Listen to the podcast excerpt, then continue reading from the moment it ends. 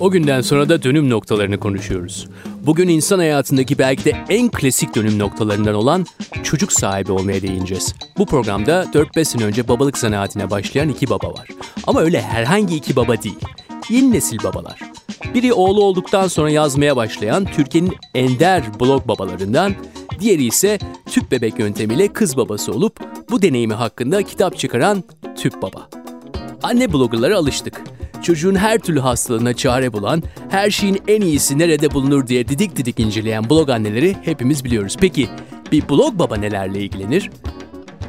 O günden sonra da bugün ilk olarak erkek çocuk babası Serkan Özdemir'i dinleyeceğiz.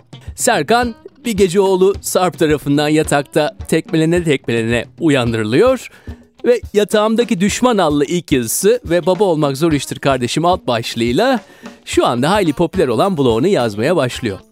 İkinci konuğumuz ise yine kendi sesinden ve bir babanın gözünden tüp bebek yolculuğunu anlatan ve orada durmayıp bütün hayatını kızı Lale göre düzenleyen tüp baba Tuğkan Tepiltepe. Hep beraber dinleyeceğiz ama ilk önce blog baba Serkan.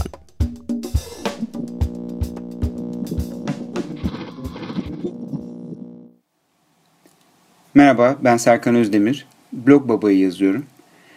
Ben 2011 Mayıs'ta baba oldum. Benim babalığa girişim biraz lohusa tarzı oldu. Annenin yerine ben lohusa sendromunu yaşadım. Doğum yaklaştığında işte eşimin 10 kere söylemiş olmasına rağmen benim hastane çantam hala hazır değildi. Ya ne olacak acelesi yok hallederim diye bakıyordum olaya. Öyle de rahattım.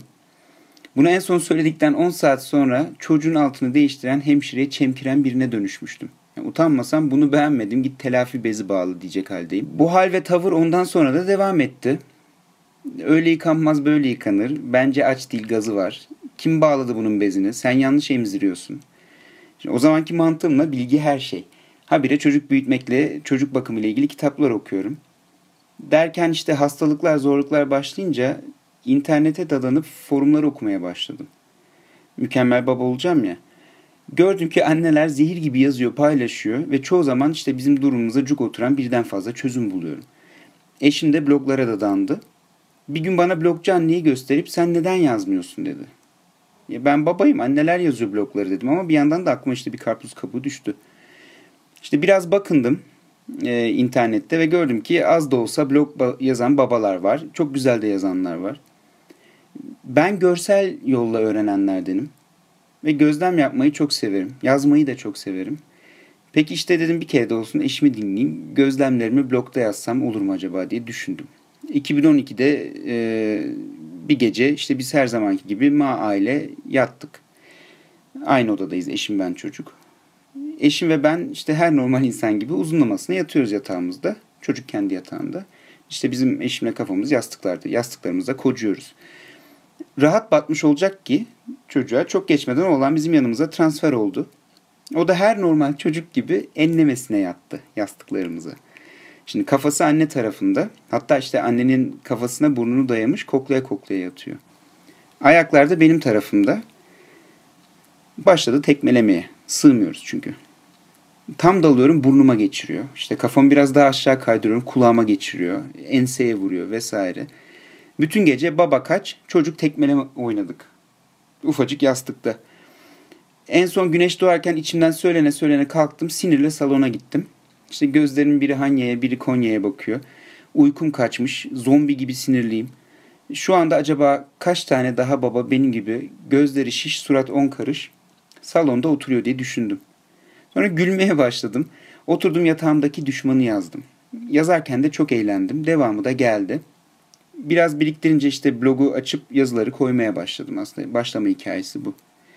Ee, Eşimin tatlı, oğlumun da şiddetli teşviki sayesinde başladım yani. Burada çok ince bir ayrıntı var aslında. Ben küçüklüğümden beri yazmayı çok severdim. Ama bir konu veya işte bir mecra bulamamıştım. Yazar olmayı hayal ederdim. Daha net söyleyeyim. Olmadı. Sonra bir gün geldi. Çocukluk hayalimi çocuğum sayesinde gerçekleştirdim.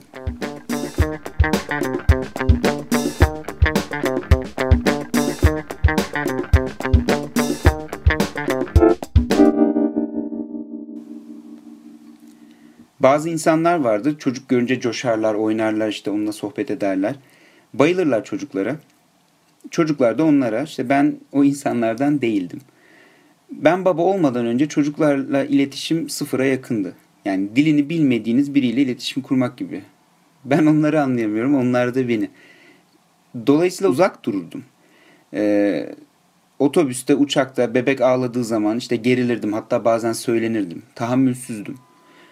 O yüzden babalık konusunu işte nasıl baba olacağımı filan zamanı gelince düşünürüz diye takıldım yıllarca. Benim açıkçası öyle çok önden hani babalıkla ilgili çok bir düşünmüşlüğüm de yoktu. İlk ışıklar hamilelik döneminde yanmaya başladı ama zayıf tabii.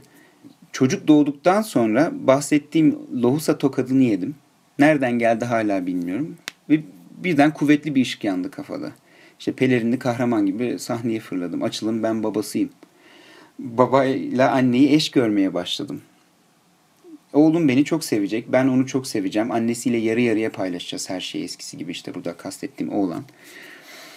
Kısa süre sonra fark ettiğim ilk şey bebeğin ilk yılında babanın ana görevinin aslında sadece destek olduğuydu. Yani anneye desteği kastediyorum. Şimdi babada meme yok. Hormon yok. E, altıncı his odun gibi. Şimdi ben kelim. Çocuğun oynayıp rahatlayacağı bir saç da yok. Ne yapacağım baba olarak? İşte alışveriş, biberon yıkama, mama hazırlama, alt değiştirme, yıkarken ukalalık yapma, annenin kendisine zaman ayırması için fırsat yaratmak filan. Yani lojistik, teknik destek. E hani bana şefkat, sevgi? O yok işte. Şimdiden söyleyeyim eğer baba adayı varsa dinleyen beni. İlk 6 ay, 1 yıl çok fazla şefkat, sevgi beklemeyin. O anne ile çocuk arasında. Şimdi şikayet edemiyorsunuz. Adama derler 9 ay sen taşısaydın diye. İki doğru. Gerçi aramızda kalsın. Ben çok şikayet ettim aslında ama hep havaya. O zaman anladım ki babalık annelikten temelde çok da farklı değil.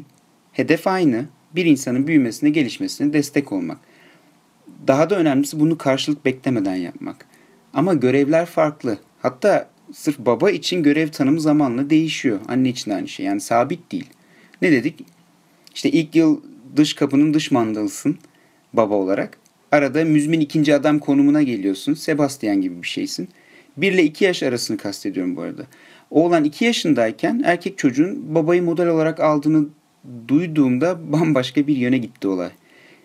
O yaştan sonra evin bebesi işte birey olduğunu fark ediyor. Dolayısıyla saha kenarında ısınan baba oyuna alınıyor direkt olarak. Tabi saha içinde olmak bambaşka bir şey.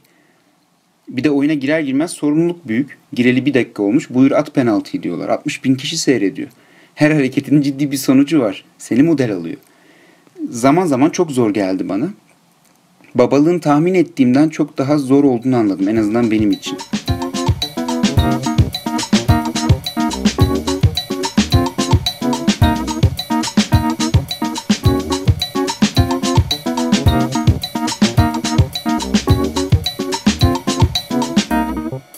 Çocuktan önce karı koca hayatı paylaşıyor. İşte genelde ya da ortalama diyelim.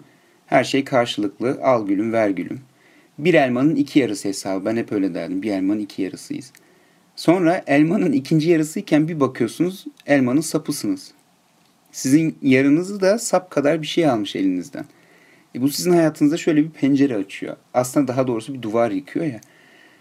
Serkancım sen istesen de istemesen de artık senden daha önemli bir varlık, bir amaç var hayatında.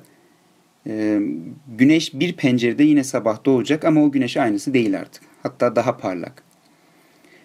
Dediğim gibi demin müthiş bir sorumluluk değişimi var ama insanın böyle büyük ve değerli bir amaç uğruna yapamayacağı bir şey de yok. Bir de bunun kadar önemli başka bir şey daha var. O da çocuğun anne babanın aynası olması. Ona bakınca kendi iyi yanlarımı, kötü huylarımı görüp bunun muhakemesini yapmaya başladım. Baba olmadan önceki hayatımda yarattığım işte dramların ne kadar minik ve değersiz olduğunu fark ettim. Daha net olarak anlatırsam, ben çocukla beraber çocukluğumun bitip yetişkinliğimin başladığı bir pencereden bakmaya başladım hayata. Kişisel gelişimde son nokta bu. Baba olduktan sonra bazı şeyler değişti, bazı şeyler değişmedi tabii. Mesela eskiden yaşadığım yerlerde işte hiç oyuncakçı olup olmadığını bilmezdim. Şu anda yeni bir oyuncakçı açıldığında, yok işte eskisi taşındığında ya da daha sık gittiğimiz bir tanesi kapandığında bu direkt göze çarpıyor. Hatta bazen olay oluyor. Aynı şey tatil mekanları veya gittiğimiz kafe, restoranlar için de geçerli. 3 yıldır aynı yere tatile gidiyoruz biz mesela ve en önemli birkaç etkenden biri de çocuk kulübü ve oradaki çalışanların kalitesi. Bizim çocuk orayı çok seviyor. Ee, ve ebeveynler kadar çocuğun da bazen biraz kafa dinlemesi gerekiyor. Dinlemesi iyi oluyor. Biz de orayı seçiyoruz inatla. Tabii işletmeciler de bunun farkında. Aile tavlamak isteyen işte restoran, kafe veya tatil yeri ona göre alan imkanı yaratıyor.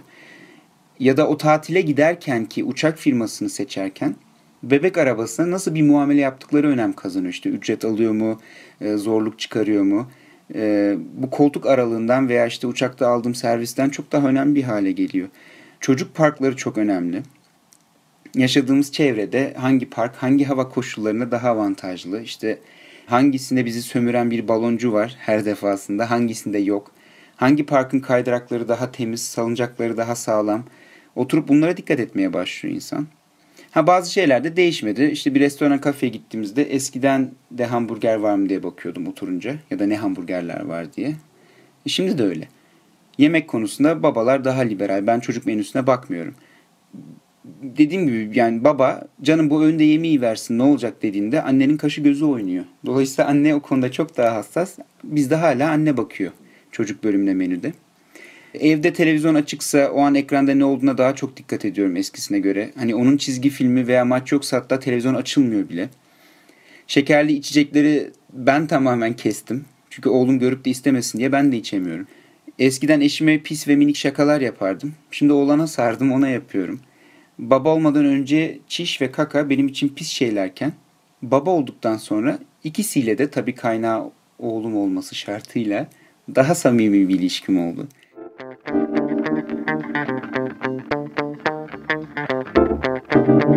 Öncesi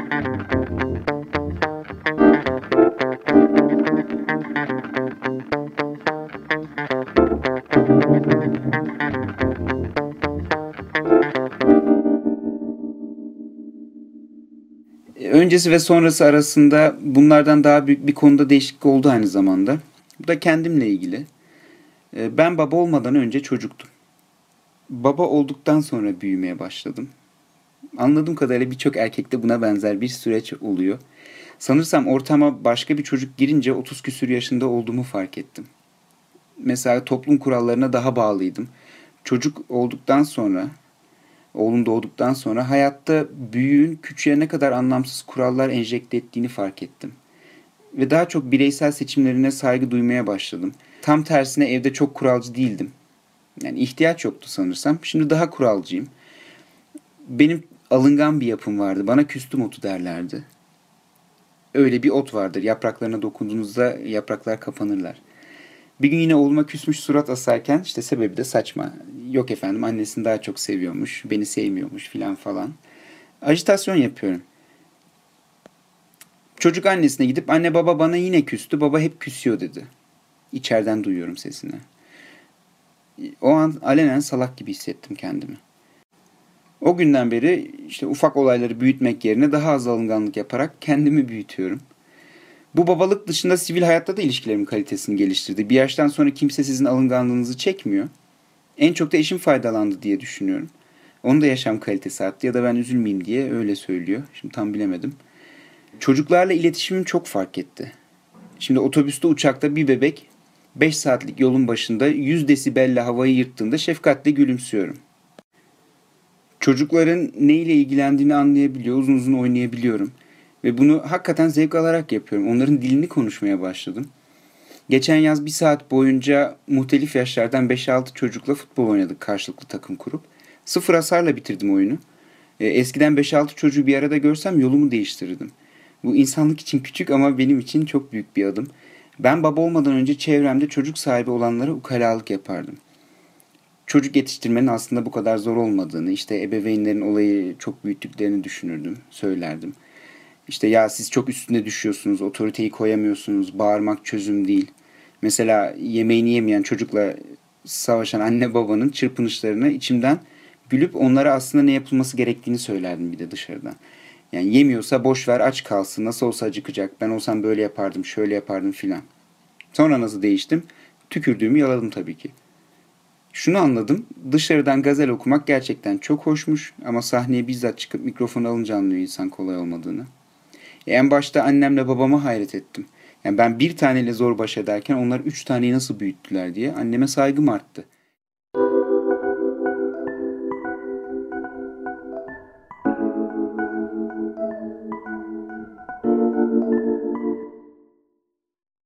Bütün bunlar benim hayata bakışımı da değiştirdi. Onu da şöyle anlatayım. Benim çok sevdiğim bir arkadaşım var. Benden önce baba olmuştu. Ben baba olmadan önce onu babalık yaparken çok gözlemleme şansım oldu. Oğlum doğduktan sonra bir gün konuşuyoruz. İşte ben anlatıyorum. Abi ne zor işmiş bu. Uyku kalmadı. Ne dediğini anlamıyoruz. Habire biberon yıkıyorum filan. Baktım pis pis gülüyor.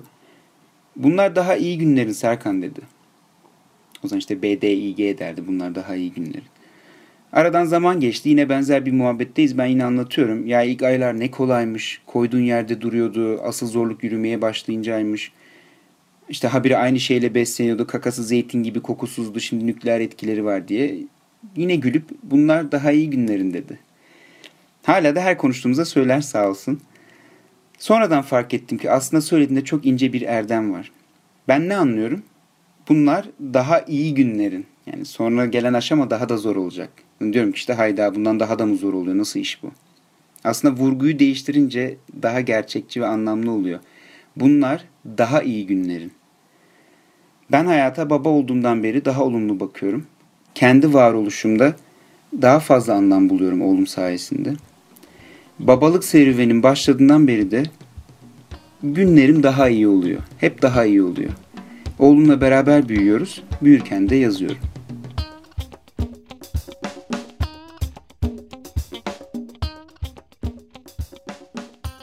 Evet Serkan'ın bahsettiği o ilk yazısı tarih 28 Eylül 2012.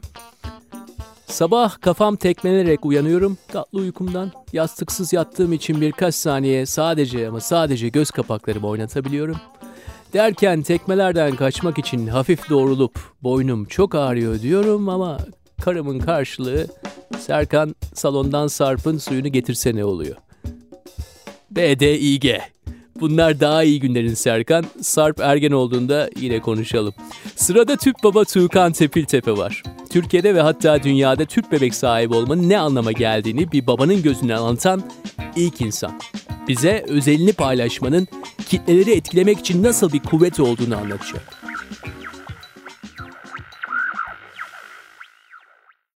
Çok geç sayılacak bir yaşta 39 yaşında baba oldum. Ee, zaten evliliğin, evlenmem de geç oldu. 38 yaşında evlendik. 39 yaşında baba oldum. Ee, baba olmadan önce babalığı kendi babamdan bilirdim. Yani onun bana yaptıkları davranışları, hareketleri ve en önemlisi de bir lafı vardır ki, gerçi bunu her baba söylemiştir. Ee, baba olmadan an, anlayamazsın veya baba olunca anlarsın gibi klişe bir laftır ama ne kadar klişe olursa olsun gerçekten doğru bir laf bu. Yani baba olunca birçok şeyin daha çok farkına varıyorsunuz, daha iyi anlıyorsunuz ve bir kafanızdaki, hayatınızdaki, görüşünüzdeki, düşüncelerinizdeki birçok şey bambaşka oluyor, tamamen değişebiliyor.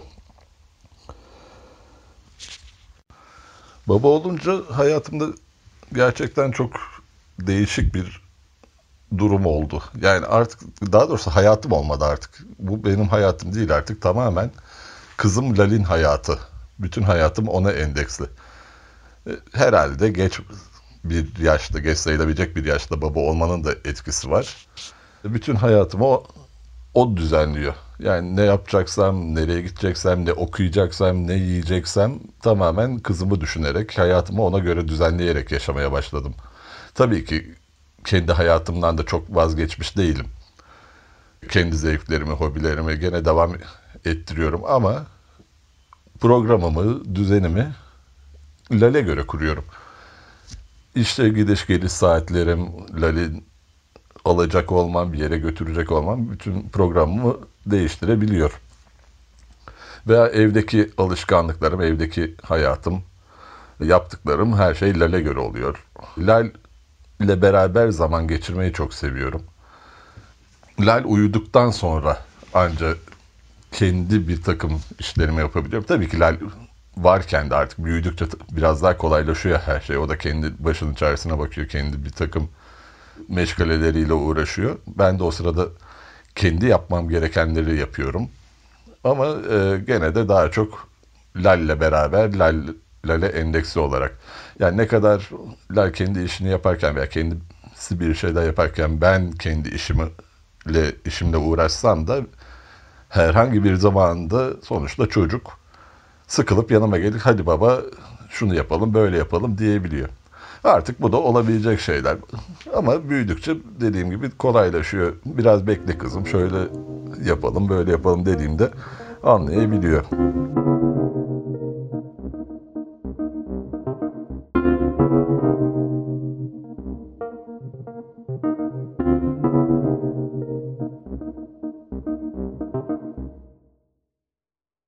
Baba olmadan önce aynıydım gene. Kendimde değişen, kişiliğimde değişen bir şey yok.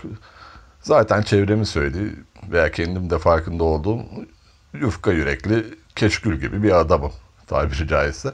Baba olduktan sonra bu biraz daha arttı.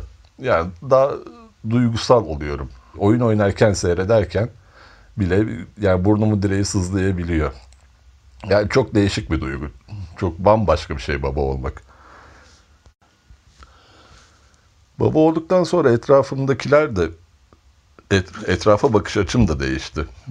Mesela bir yolda giderken bir park gördüğümde, çocuk parkı gördüğümde Lali buraya getirirsem keşke diye düşünüyorum. Veya Lal'in ilgisini çekebilecek şeyleri fark ediyorum. Herhalde bu algıda seçicilik de oluyor ama Lal'in ilgisini çekebilecek, Lal'in hoşuna gidecek şeyleri görüyorum veya fark ediyorum. Bunun sayesinde de Lal'le daha fazla zaman geçirebilecek, daha güzel şeyler yapabilecek imkanlar da, fırsatlar da yaratılabiliyor veya beraber yaratabiliyoruz.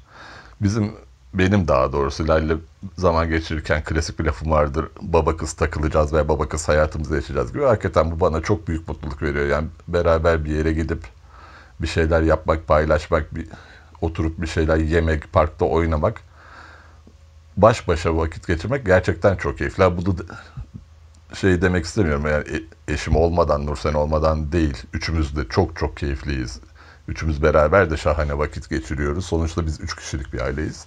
Ama hani o baba kız ilişkisi aradaki empati, duygusallık biraz daha farklı oluyor. O yüzden ikimiz baş başa da çok güzel zamanlar geçiriyoruz ve bana tarifi imkansız bir mutluluk veriyor. Baba olmadan önce de yani bekarlığımda da diyeyim daha doğrusu çocukları zaten severdim. Yani arkadaşlarımın çocukları olsun, akrabalarımın çocukları olsun zaten severdim. Onlarla keyifli zaman geçirmeyi severdim. Veya zaman geçirmek için hatta çaba harcardım.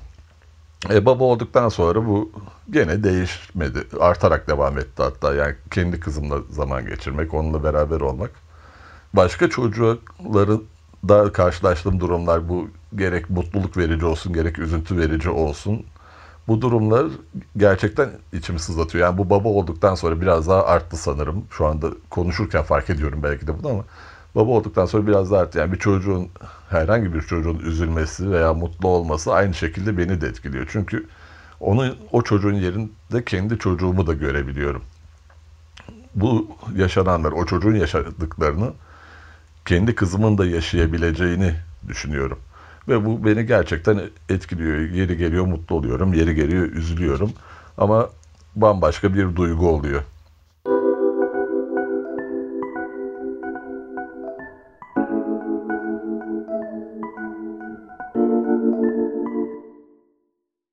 Tabii bu arada en önemli konu da Lal'den baba olmaktan falan bahsettik ama en önemli konu Lal'in bir de tüp bebek olması. Yani hayatımızdaki esas ekstrem durum bu.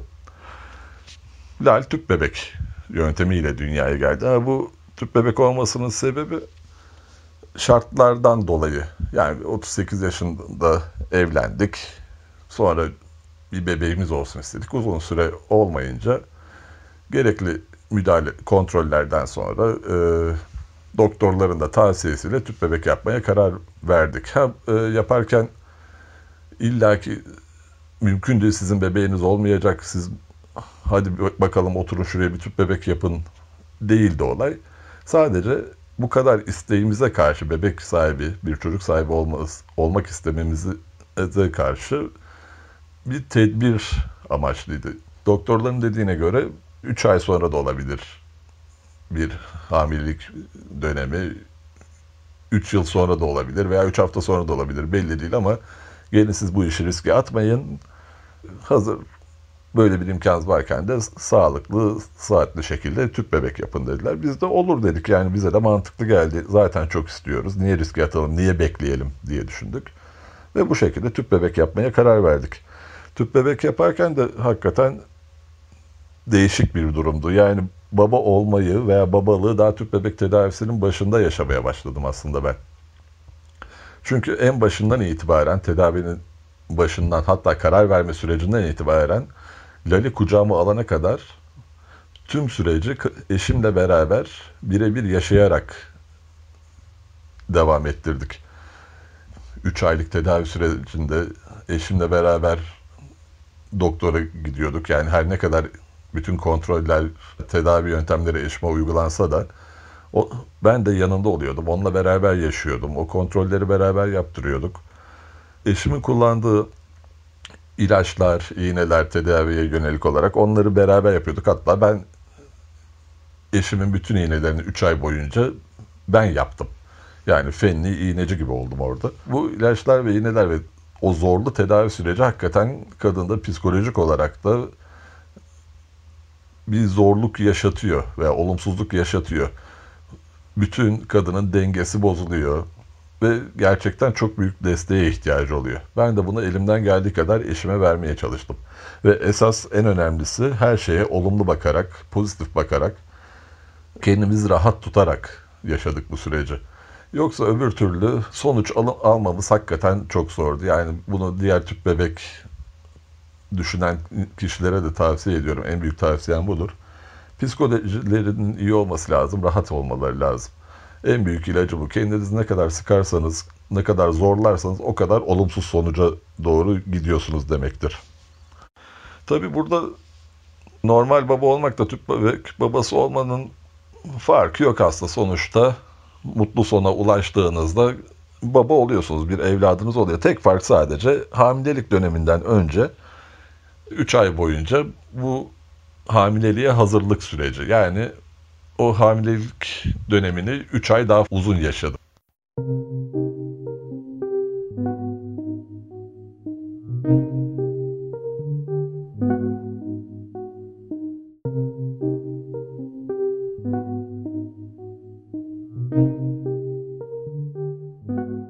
Lalilerde tüp bebek olduğunu tabii ki öğrenecek. Hatta bazen severken arada karışık tüp bebek falan diye takılıyorum Lale tabii ki bir şey anlamıyor ama zaten nasıl dünyaya geldiğini şöyle öğrenecek esas. Ben e, bu yaşadıklarımı bir baba gözüyle tamamını tedavinin başından itibaren tüp bebek tedavisinin başından itibaren kucağıma alana kadar geçen süreci bir kitap olarak yayınladım. Aslında tabii ilk başlarda kafamda kitap yoktu. Ufak notlarla başladı. Sonra bu notları blog açarak yazmaya devam ettim. Dönem dönem o süreci yazdım. Ve sonradan kitap haline dönüştü.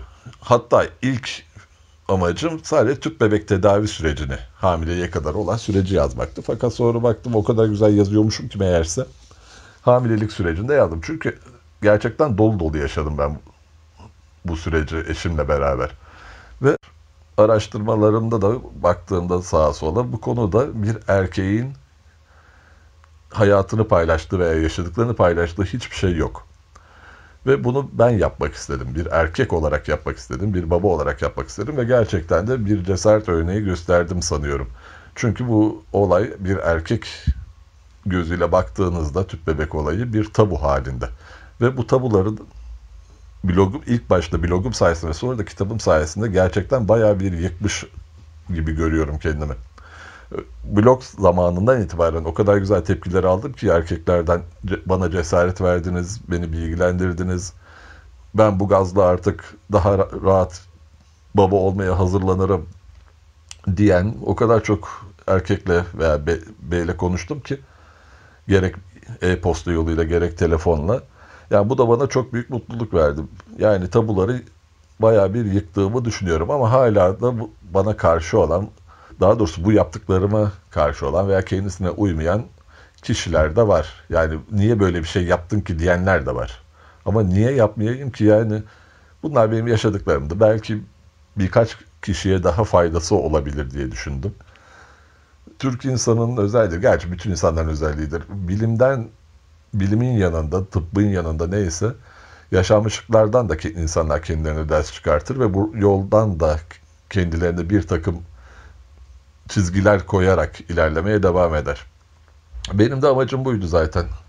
Yaşadıklarımı anlatarak, tabii ki tıbba girmeden, bilime girmeden sadece yaşadıklarımı anlatarak, hikayemi anlatarak insanlara yol göstermekti. E, Lal de bu kitabı büyüyünce okuyacak. Ve okuduğunda ta en başından itibaren hatta annesine nasıl evlenme teklif ettiğimden başladım yazmaya. Ve kucağıma alana kadar zamanki süreci kitapta okuyarak öğrenecek. Ve bu da hem kendisini mutlu eder sanıyorum. Beni de çok mutlu eder. Zaten ilk baştaki amacım Lale bir hatıra bırakmaktı. Bu yazmaya başladığındaki amacım. Ve bunu güzel bir hatıra olarak saklayacağını düşünüyorum.